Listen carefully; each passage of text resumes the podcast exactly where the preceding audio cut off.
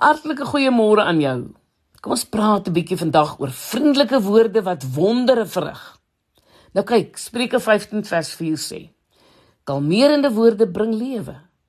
Jong, dit is ongelooflik wat 'n paar sagte woorde kan doen. Watter indruk dit kan maak as jy vir iemand sê alles sal regkom. Ai, ek bid vir jou, hoor. Ek glo in jou.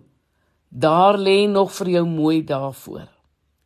Nou daardie woorde het tog helende krag. Maar as iemand ongeskik is teenoor jou, kan jy so maklik self ongeskik raak. Ons moenie oordeel nie. Gaan staan vir 'n slag in daardie mens se skoene. Dit sal jou help om die regte perspektief te kry. Hulle deur liefdevolle oë in plaas van veroordelende oë te kyk. Dit beteken ook nie dat jy mense se gedrag verskoon nie, hoor. Wat hulle wat hulle doen is dalk verkeerd. Dit is dalk hulle eie skuld. Miskien het hulle die gemors self veroorsaak. Maar ek het geleer om nie te oordeel nie. God is die regter.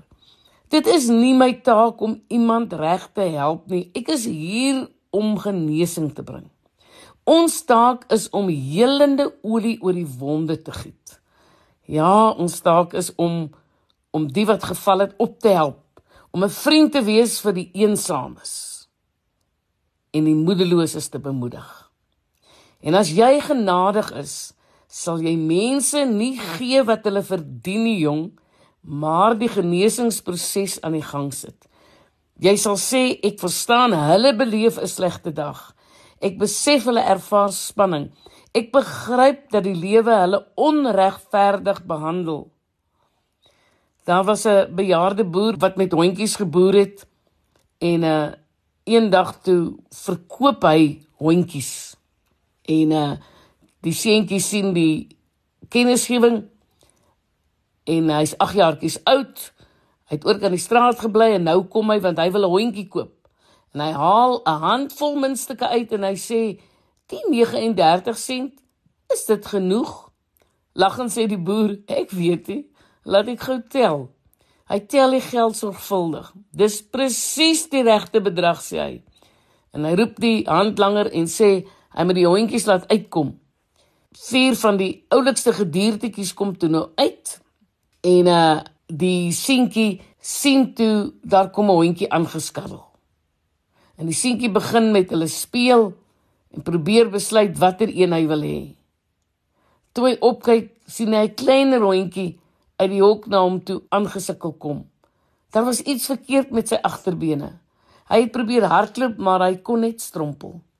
Die seentjie het onmiddellik tot die hondjie aangetrokke gevoel en sonder om te weifel het hy vir die boer gesê hy wil daai enetjie hê. Jongie boer was so verbaas en hy sê nee boet, dit is nie die hondjie wat jy wil hê nie. Hy sal nooit kan hardloop en speel soos die ander nie. Daar is iets fout met sy agterbene. Die seentjie het sy broekspype opgerol en die boer het die staalklampe aan sy bene gesien. Toe merk die boer die eerste keer die spesiale gemaakte skoene. Ek kan ook nie goed hardloop nie, sê hy. Hierdie hondjie gaan iemand nodig hê wat hom kan verstaan. Nou ja, Wat 'n wonderlike les is daar vir ons hierin. Die wêreld is vol mense wat graag verstaan wil word. Ons weet nie wat in ander se lewens gebeur nie. Ons weet nie hoeveel pyn en lyding hulle verduur het nie. Hulle mag anders wees en kompleks en dinge doen wat ons nie kan doen nie. Maar maak vrede daarmee. Gee hulle 'n bietjie ruimte in hulle omstandighede. Dit laat 'n mens dink, nê. Nee.